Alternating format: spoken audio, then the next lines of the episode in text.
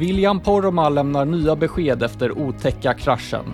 Underbarnet Alvar Mylback nobbas av landslaget inför Ruka och i Finland är det en 45-årig damåkare som är hetast av alla inför världscuppremiären. Det är några av sakerna vi ska prata om i dagens avsnitt av Viaplay Vinter Podcast med mig, Ludvig Svan och Anna-Karin Strömstedt. Och idag får vi besök av William Poromaa, Sami Jaojärvi och Johanna Ojala.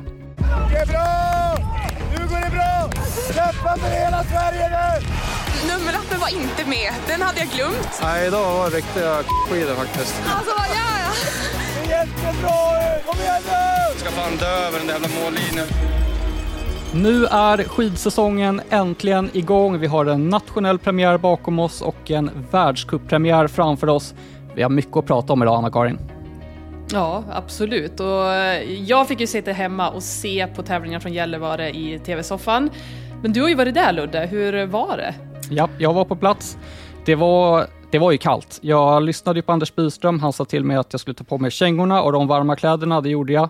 Frös ändå ganska mycket. Det brukar kunna vara så första tävlingen. Eh, Men framförallt så var det ju väldigt kul med skidtävlingar igen. Vi fick ju se ganska mycket på TV, men utöver det då, har du något skvaller eller någonting annat kul att berätta? Ja, eller kanske inte skvaller, men jag kan avslöja en grej och det är varför Kalle Halvarsson inte har lagt upp någonting på Instagram sedan den 16 juni i somras.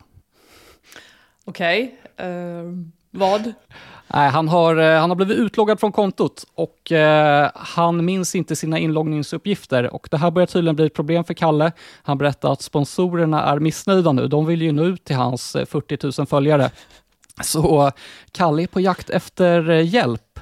Så jag tänker om någon lyssnare har koll på det här, hur man löser så kan ju de höra av sig till oss så sätter vi dem i kontakt med Kalle kanske. Ja, det är ju faktiskt ganska smart. Du kunde inte hjälpa han du då? Nej, jag kom på i efterhand att eh, jag borde ha frågat, har du klickat på den här, har du glömt ditt lösenord-knappen? För då får man ju lösenord till mejlen. Men vi får utgå från att Kalle kanske hade testat det redan. Ja. Men du, det hände ju mycket i Gällivare rent eh, sportsligt och jag har faktiskt skrivit ner en liten summering som jag tänkte dra här. Vill du höra? ja, jättegärna. Ja, okej, håll i hatten då.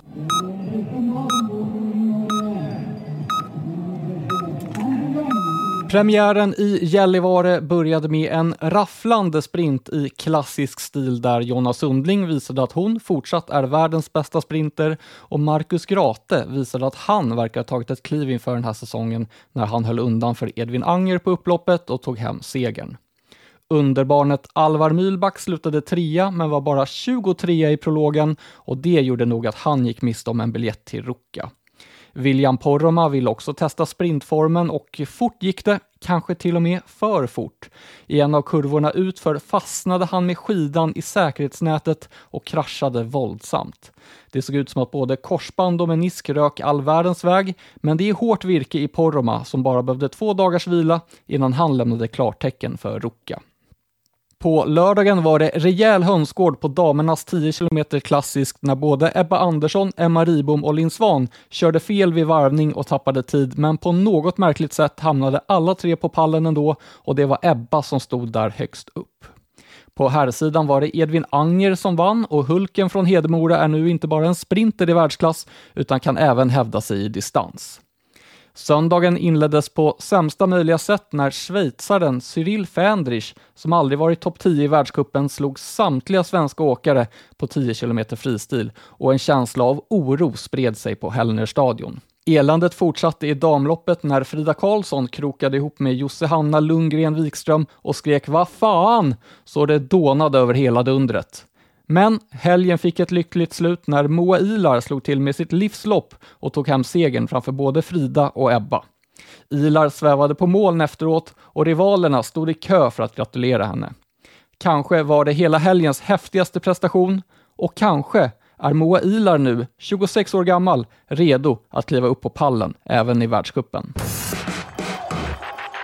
Såg du det här komma med Moa Ilar? Egentligen inte, för att eh, vi var så inställda på att det skulle bli en fight mellan Frida och eh, Ebba. Men eh, jag har ju pratat med Moa Ilar och hon har tagit ett steg i år och har också känt att hon har varit närmare de andra. Men att hon skulle vinna och att hon skulle slå Frida, nej det trodde jag absolut inte att hon skulle göra. Men vi kommer ju ihåg för två år sedan till exempel i Ruka, då gjorde hon ju otroligt fina tävlingar. Så att det ska bli spännande att se vad hon kan göra för någonting i den här säsongen. Får vi se henne på pallen i världscupen? Ja, om man ska utgå från de resultaten i helgen så absolut. Hon har ju definitivt chans för det och det är ju det hon eh, satsar för. Så att jag tror det. Vi kan nämna det också att Linn Svan kom inte till start i sprinten. Hon berättade att hon hade åkt på en bristning i låret under lägret i Livigno. Det var i september. Låret ska må bra nu, så det var en ren säkerhetsåtgärd. Och sen kom hon ju i start i båda distansloppen, där hon blev trea och fyra. Så vi behöver väl inte vara oroliga för Linn och det där låret. Nej, framförallt inte när hon åker distansloppen. Men det ska ju bli spännande att se hur, hon, eh, hur det svarar då i eh, Ruka på fredag redan när hon ska köra sprint. Men eh, det verkar väldigt lovande ändå inför helgen. Du, jag måste fråga dig också om den här incidenten, Frida Karlsson och Josse Hanna. Frida blev ju rejält förbannad på, på Josse Hanna. Men jag har kollat på det här några gånger nu. Josse Hanna gör väl ingenting fel? Nej, hon gör inte det. Alltså, Frida kommer ju bakom henne och eh, jag hör inte att Frida ropar ur spår. Men Frida kommer med högre fart, trampar på Josse Hannas stav det tar stopp för Josse Hanna och då tar det ju såklart även stopp för Frida. Och Frida som, eh, ja hon blir ju frustrerad över det här och eh, ropar lite fula ord till Josse Hanna. Men eh, nej, det var inte Josse Hannas fel utan Frida var kanske lite väl offensiv där och borde kanske ha försökt att svänga lite mer till vänster. Eller ropat urspår, den klassiska urspårregeln som vi använder. Mm. Ja, Frida hävdar ju att hon skrek det, men Johanna hörde ingenting. Jag tyckte också att det var kul att Johanna sa efteråt att hon får be om ursäkt för sin existens.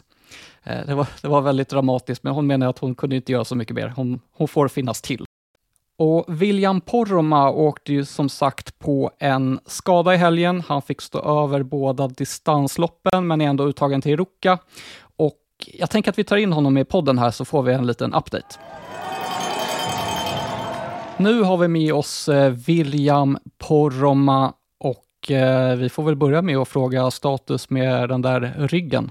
Nej, men ryggen är väl eh, helt OK ändå. Eh, jag kommer nog inte kunna vara liksom 100% rokad, det är svårt att se, men eh, hoppas i alla fall kunna ja, ta mig till start och ja, gör här ganska rättvist där då. Men det är ju tråkigt. Jag har känt mig väldigt så här, väl förberedd och allting inom ramarna. Så jag har varit otroligt laddad både för tävlingen här i Gällivare på lördagen eh, och inför Ruka. Så det blir ju lite hinder, men det är som vanligt. Det ska alltid vara någonting. Så att det, eh, det gäller att bara anpassa sig och göra det bästa av situationen. Men eh, ja, vi får hoppas att det går över så fort som möjligt. Då. Det är bättre än vad det har varit. Det är alltid någonting som ska jävlas med en. Det är ju så. Men du, hur resonerade du kring eh, Ruka då? Om du skulle åka dit eller inte? Ja, jag har väl resonerat lite fram och tillbaka liksom. Men jag har väl ändå stått hela tiden ganska tryggt att jag ska åka dit då. Men det är ju som i början när man får en sån där smäll. Det är svårt att veta hur, hur det kommer att utveckla sig då. Men i det här fallet så tycker jag att det har gått åt rätt väg. Eh, men det var lite så här packetkänsla eh, här för, för en dag sedan då jag var och tog eh, covid-spruta och influensaspruta och allting, så jag tänkte nu kör vi bara allt jävla skit på en gång och så var det bära eller bristas nu. Nu får det gå som det går, men eh, nej, jag är laddad på att åka iväg och hoppas att det ska bli så bra som det kan bli då. Ja, sprutor. Men det, jag tycker också att jag ser att du har gjort någonting mer. Har du både klippt dig och rakat dig eller? ja, Uh, nej, jag har, jag har mustaschen har tagit och raka mig har jag gjort, så det är väl lite så här ny. Men klippt uh, gjorde mig innan Gällivare, så lite ny om, omväxling. Ja, de som lyssnar ser ju inte det här, men Williams berömda mustasch är borta. Det måste ju ändå varit ett stort beslut. Ja, alltså grejen, det är ju typ inte det, men många kanske tror det. Uh, det har ju blivit lite av en grej det där att jag ska ha mustaschen, så att för vissa är det nog lite grann att det är tråkigt, men jag känner själv att det, det är också nu när det blir så kallt så är det lite halvdrygt när det blir is i mustaschen. Det är inte riktigt min grej. Det, Wassberg var bättre på det än vad jag är. Du, jag måste fråga lite mer om den här kraschen i Gällivare. När man kollar på det klippet, det, det smäller ju ganska rejält. Vad var, vad var din känsla där i stunden? Kände du att det här kan ha gått riktigt illa eller hur upplevde du det? Nej, men jag upplever ju kurvan, det kommer ju in liksom ganska ja, snävt eller man ska säga, så det blir ju uttryckt ganska långt. Och tänker att åh, det här blir nära, det blir tajt liksom mot, eh, mot nätet där. Och eh, skidan åker ju liksom in i nätet och jag fortsätter framåt och i det, den sekunden så tänker jag, ja skönt, jag klarar kurvan. Så glider jag ju fram lite grann och så kommer jag till pjäxan och där tar det ju tvärstopp så att det bara smäller ju till när jag tror att jag klarar kurvan då. Um, och slänger runt och det går ju skitfort så att jag hinner som inte tänka någonting. Men jag känner ju ändå när jag landar där att ja, det kan ha gått dåligt liksom. Men jag kommer upp på, fort, på fötterna ganska fort och så känner jag väl att ja, det har gått hyfsat. Jag kan ändå stå liksom. Så det kände ändå rätt fort att det var lugnt då. Var det bara ryggen eller fick knät någon smäll också? Nej, jag klarade ju knät och, och så. Så det var ju bara ryggen som fick en smäll. Jag kände någonting på handleden, men det var bara mindre och försvann eh, direkt. Då. Så det, var, det var ryggen som fick eh, ta stryk. Hur jobbar du med det här nu då? Är det bara att ligga på, på soffan och låta det läka ut?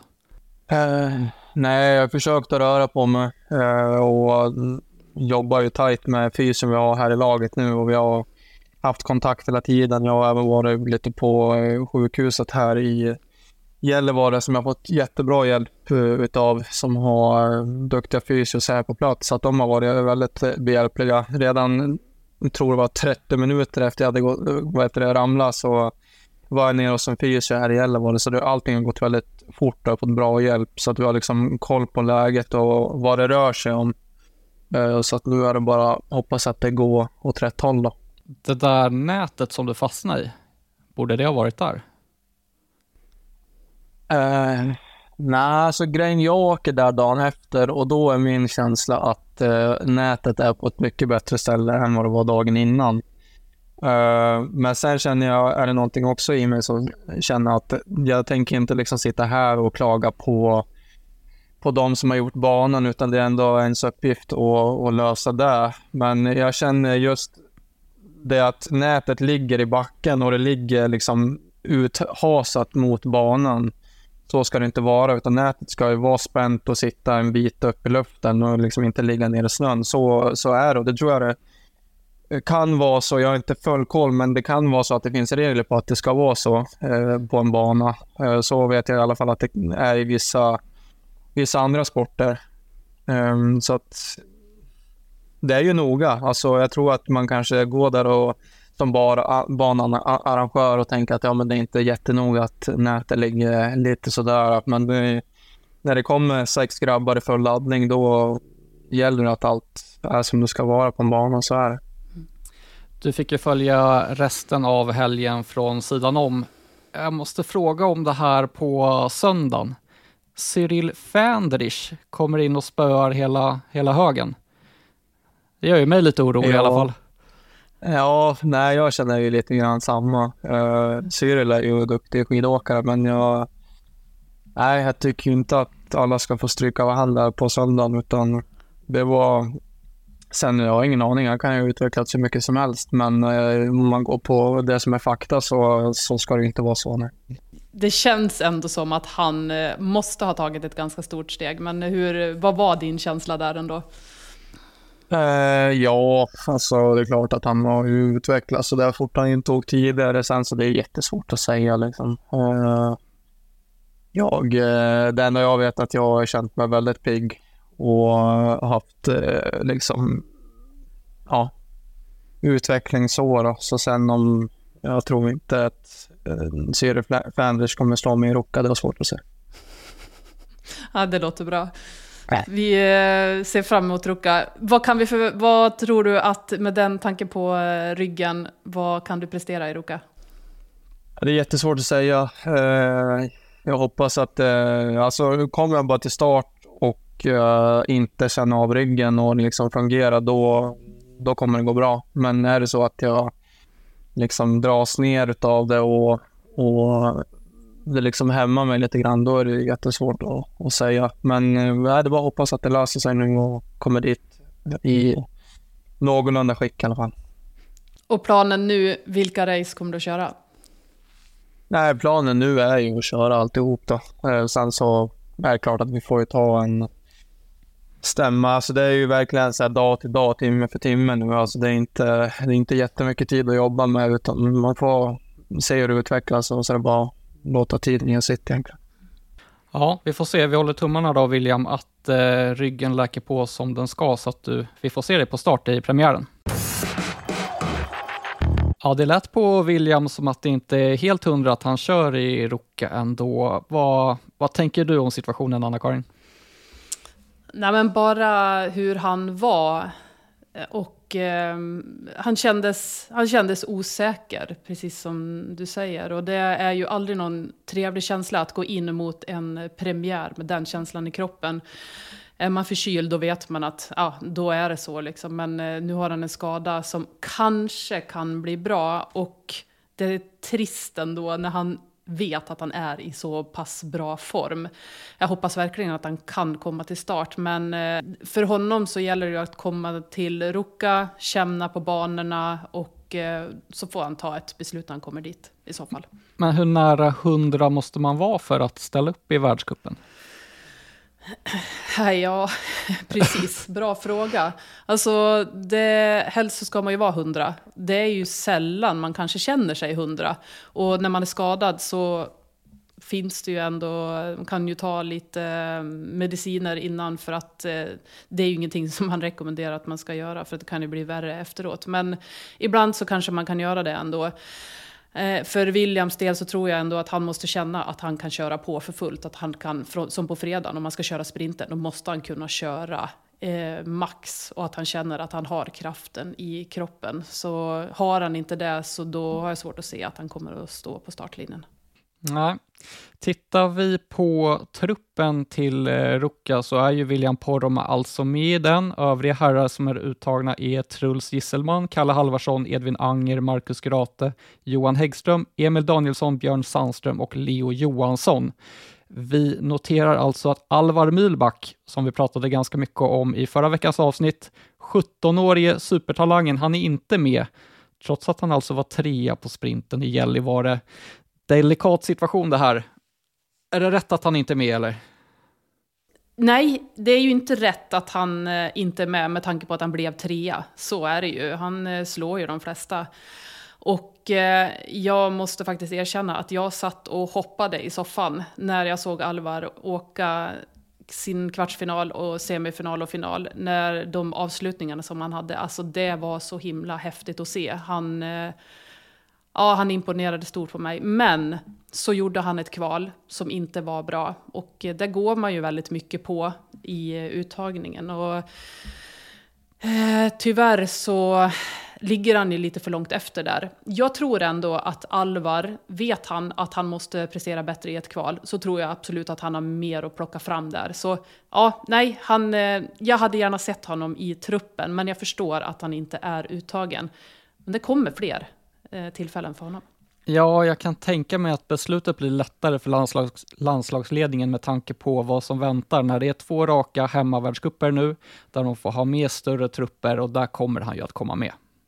Ja, det är, alltså gör han inte det så då, då kommer det ju att bli kaos. Det, så är det ju. Så att jag ser fram emot Gällivare om, eh, vad blir det, en och en halv vecka ungefär. Mm.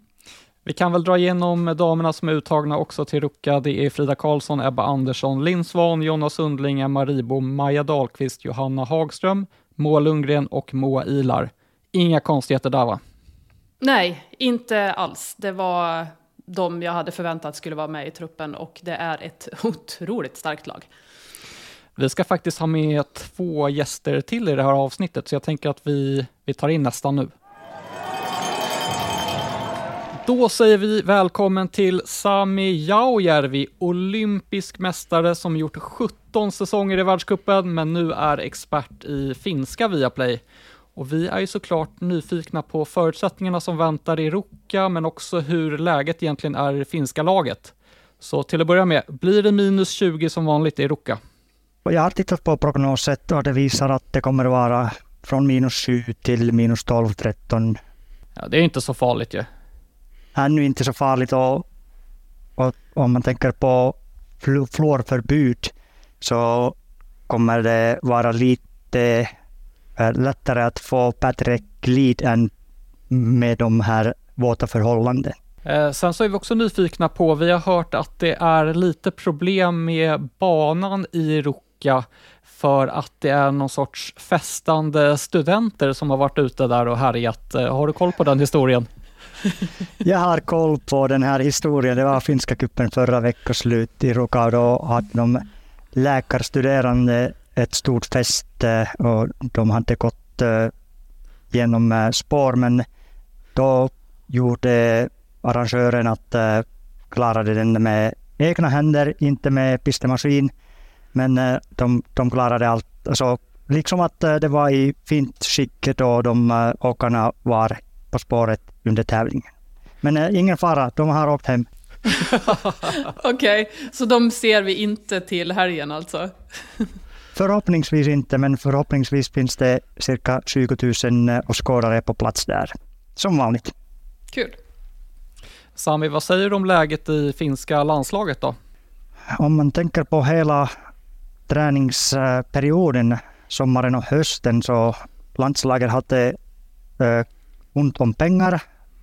De ville försäkra att eh, de eh, får göra bra tävlingssäsongen och därför hade de inte några landslagsläger i maj, juni, juli.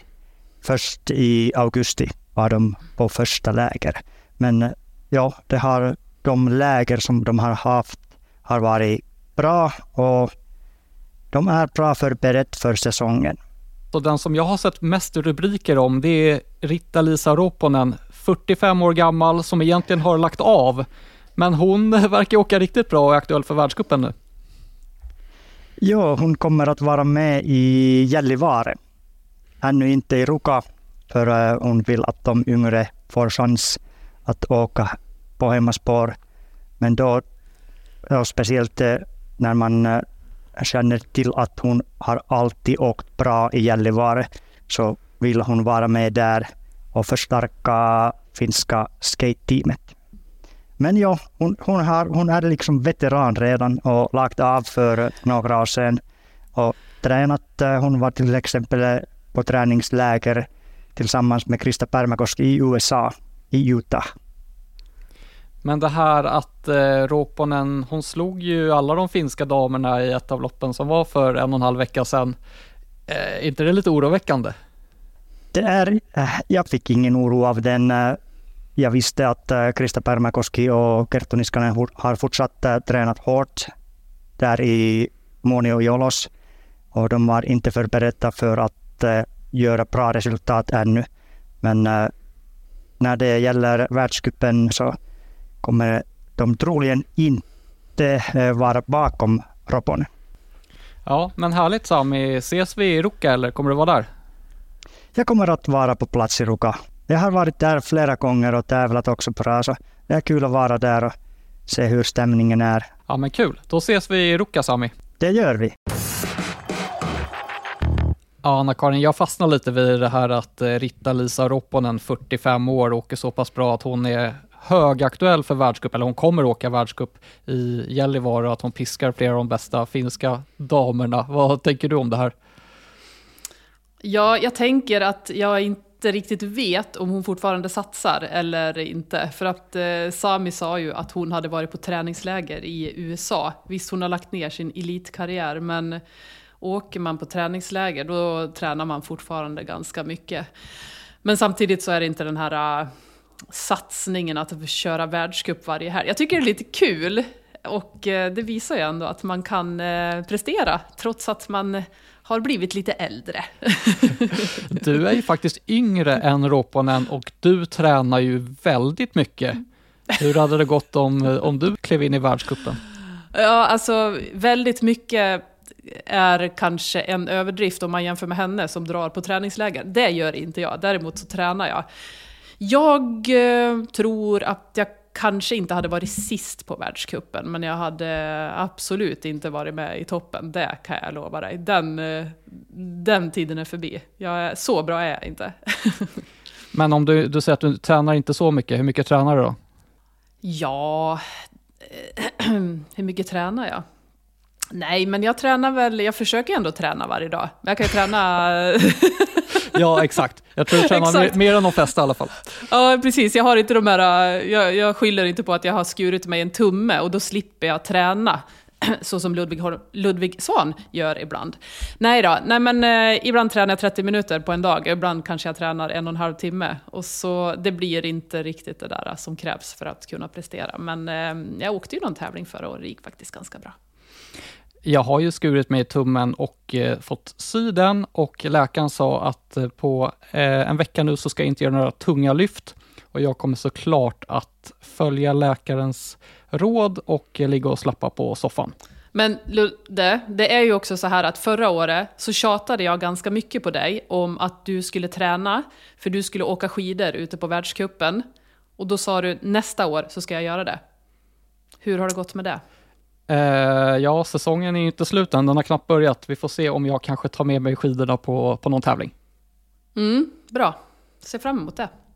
Du, vi har faktiskt fått in en hel del eh, lyssnarfrågor som vi ska svara på i det här avsnittet. Men först tänkte jag att vi ska snacka lite med Johanna Ojala. Hon ska ju med oss till Ruka, så det är väl bra om vi stämmer av läget lite med henne.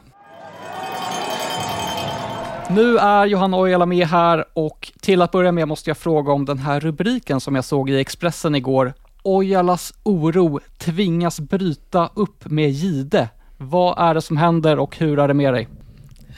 Ja men du, det där undrade jag också när jag såg det här som en pushnotis komma på telefonen igår morse. Så bara, vadå oro? Vad är jag orolig för nu då? Vad har jag sagt för någonting till vem om vad? Eh, försökte så minnas där gjorde jag en intervju.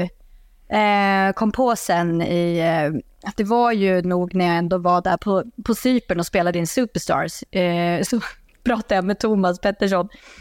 Och eh, ja, det var, mm, det var länge sedan, det var ett tag sedan. Men eh, jag mår bra. Jag är inte särskilt orolig. Eh, det var väl eh, en väldigt platt och ointressant intervju från mig antar jag, så då fick de dra stora rubriker på ordet oro. Eh, skämt åsido, Ludde, du vet ju hur det funkar där. Nej, men, eh, jag mår bra och ser fram emot eh, vintersäsongen och eh, vi kommer ju jobba tillsammans, jag och Gide, fast liksom på olika platser. Ja, för den här artikeln var ju låst, så det är många som eh, inte riktigt eh, förstod vad det handlade om och vissa trodde att Peter Gide har slutat. Det har han inte gjort. Men eh, nyheten är alltså att eh, Gide kommer vara lite mer själv i studion. Eller så här, det kommer vara lite olika vem som är var, men det kommer inte vara två programledare i studion. Och eh, nu, nu till Ruka så är det du som är på plats. Jajamän, så jag plockar med mig alla de varmaste kläderna och eh, reser till Ruka tillsammans med er. Det ska bli väldigt kul. Ja, vi, har ju, vi är ju van vid det här lite kyligare klimatet. Hur känns det att komma ut lite mer på plats nu då? Efter att ha suttit nere i den där källaren ganska länge. Bunkern, ja exakt. När man går ut därifrån på eftermiddagarna så bara, vad är det för tid egentligen? Vad är det för väder? Så bara, man har ingen koll på någonting.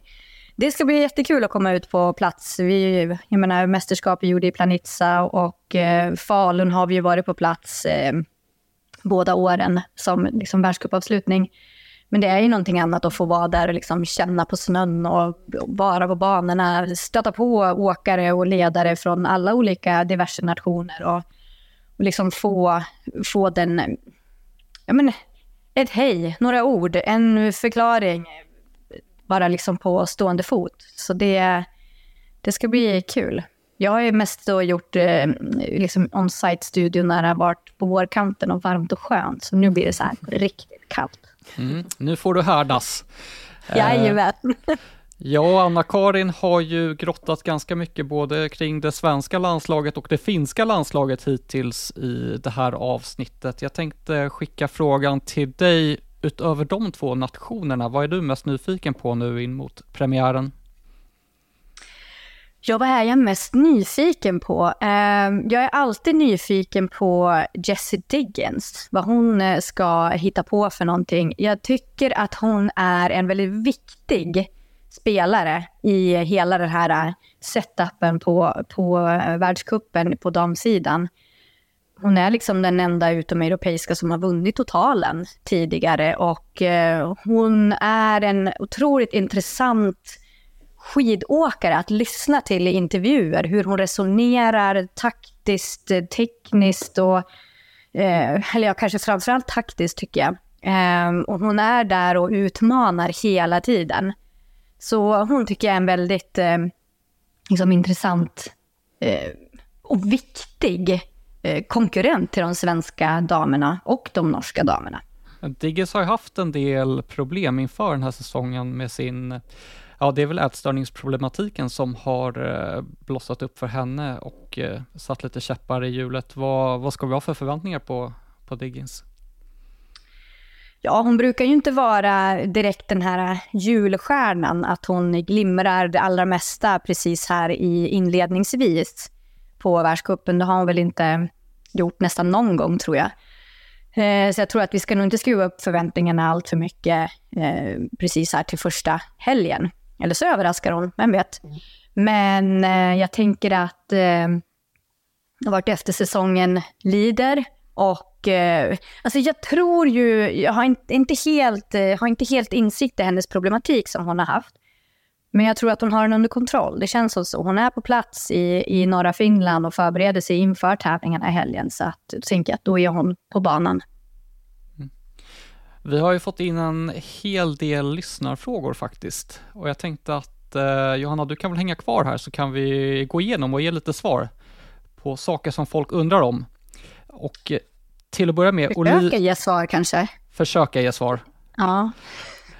Olivia Ölund frågar, tror ni att någon kommer ha en chans mot Kläbo denna säsong? Ja. ja, ja, precis. Ja, men det ser Vi tror det båda två. Nej, men alltså, han har ju ibland inte vunnit. Och eh, vi pratar ju mycket om Edvin Anger som har tagit ett steg i år. Jag tror absolut att chansen finns, men vi vet ju att han är den absolut bästa när det kommer till en spurt. Så det kommer ju att bli tufft. Men, eh, och sen såklart, nu pratar vi sprint, men på de här andra loppen, det är självklart kommer de att kunna rå på honom. Kanske inte i en total, det tror jag inte. Men eh, annars så, han kommer nog inte att vinna allt. Nej, men jag tror också det, att just enstaka lopp så kommer han verkligen att få att bita ifrån. Eh, Erik Valnäs har väl eh, sprungit förbi han förut i den här backen i, i Ruka, alltså hans eh, landslagskamrat i just sprinten då. Valnäs verkar ju vara ganska bra form just nu, vann ju både sprinten och 10 klassiskt på Beito. Och jag tror att Edvin eh, kommer definitivt, har han liksom tagit de här kliven, Edvin Anger, så kommer han att vara där och, och utmana. Jonny Sjöholm skriver, vem kommer ha mest poäng i slutet av världskuppen av herrarna och varför är det Edvin Anger? En ledande fråga. och varför är det Edvin Anger? Han tar för givet att det är Edvin Anger. ja, eh, nej, det tror jag väl kanske inte. Jag tror att det är antingen Kalle Halvarsson eller... Eh, prata, frågar han om de svenska? Ja, ja precis. Ja, ja, jo, jo, det, mm. det, det är ju, de svenska. Ja, antingen så är det ju William Poromaa eller Kalle Halvarsson, skulle jag vilja säga, som är... Eh, det kan nog bli ganska jämnt mellan de två. Och eh, Ville, ja nu har vi ju pratat med honom här idag, han är lite osäker, men får han till sprintarna i år så kommer han ju bli vass alltså, och en utmanare till eh, att ta väldigt många världscup i år. Världscuppoäng. Ja, ser man till fjolåret så var det ju, liksom, när totalen räknades ihop, så var det ju Kalle som var före William, före Anger. Eh, så Kalle har ju också den här liksom den breda kompetensen om han, om han får till det med eh, Kalle är ju Kalle, som man brukar säga. Eh, att det inte stökar och strular och håller på, att inte han ställer till det för sig, så kan han ju liksom plocka poäng på, på väldigt många olika distanser. Rufus Frode undrar varför fick inte Burman åka med? Till Ruka menar han väl då. Och där är väl svaret ganska enkelt att Burman var nia i det ena distansloppet och 18 i det andra och då får man kanske vänta lite på att åka världscup. Så vi tar nästa fråga. Andreas eh, Paulusson, är det Ebba som får stå över sprinten? Ja, Skulle jag tro. Frida... Vad jag har hört så är det Frida som tar den eh, platsen till sprinten. Det är ganska logiskt egentligen utifrån att Frida var i, eh, i finalen, hon var fyra i, i Gällivare och eh, Ebba var ju inte nära där. Så hon är sjätte namnet. Exakt, så det blir Ebba Andersson och eh, Moa Ilar som får stå över sprinten, tror vi. Och eh, till sist kontot Vintersporten frågar Vem slash vilka åkare slash ledare verkar ha mest kul under säsongen enligt er? Vilka har roligt där ute? Förutom vi på Viaplay då. Ja, jag skulle också säga det. Ja, men vi är varken åkare eller ledare. Nej, Nej, men vi, vi, vi var programledare. Nej, men jag tror faktiskt att eh, de svenska damerna har väldigt kul tillsammans och det har jag hört från många utav dem i år också, att de är ett bra lag i år. Som, eller som Moa Ilar sa, hon, jag åker ju ut och har kul och är ute med mina kompisar hela tiden. Och det är väl ändå ett väldigt bra kvitto på att man har det fint i ett lag. Det är ju inte alltid det är så. Så att jag tror nog faktiskt att de svenska damerna har det väldigt fint. Men också USA, de eh, har ju en bra stämning i sitt lag och de jobbar ju också väldigt mycket för att alla ska trivas och att alla ska hjälpa varandra där. Så att eh, kanske Sverige och USA skulle jag säga. Ja, men jag var också inne på, liksom i tanken på, på USA, för de måste ju skapa förutsättningar att orka leva med varandra i kappsäck från eh, liksom, november till mars. Och eh, det är mycket jobb som ligger bakom det där, att ha liksom, en grupp och en gruppdynamik som, som funkar och att man gör andra saker. Annars blir det ju hotelldöden dag efter dag i flera månaders tid. Så när man följer deras eh, konto med, eh, det är alltifrån julpyssel till eh, matlagning och bakning till dans är det ju.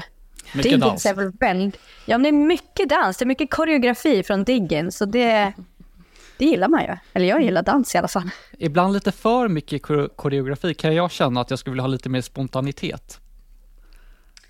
Men ska inte du eh, have Ja, a nej. say där då? Nej. Kliva in och bara, vänta, jag tycker att fridans, Ja, nej, fuldans, nej, jag ligger lågt. Jag kommer inte göra några dansvideos.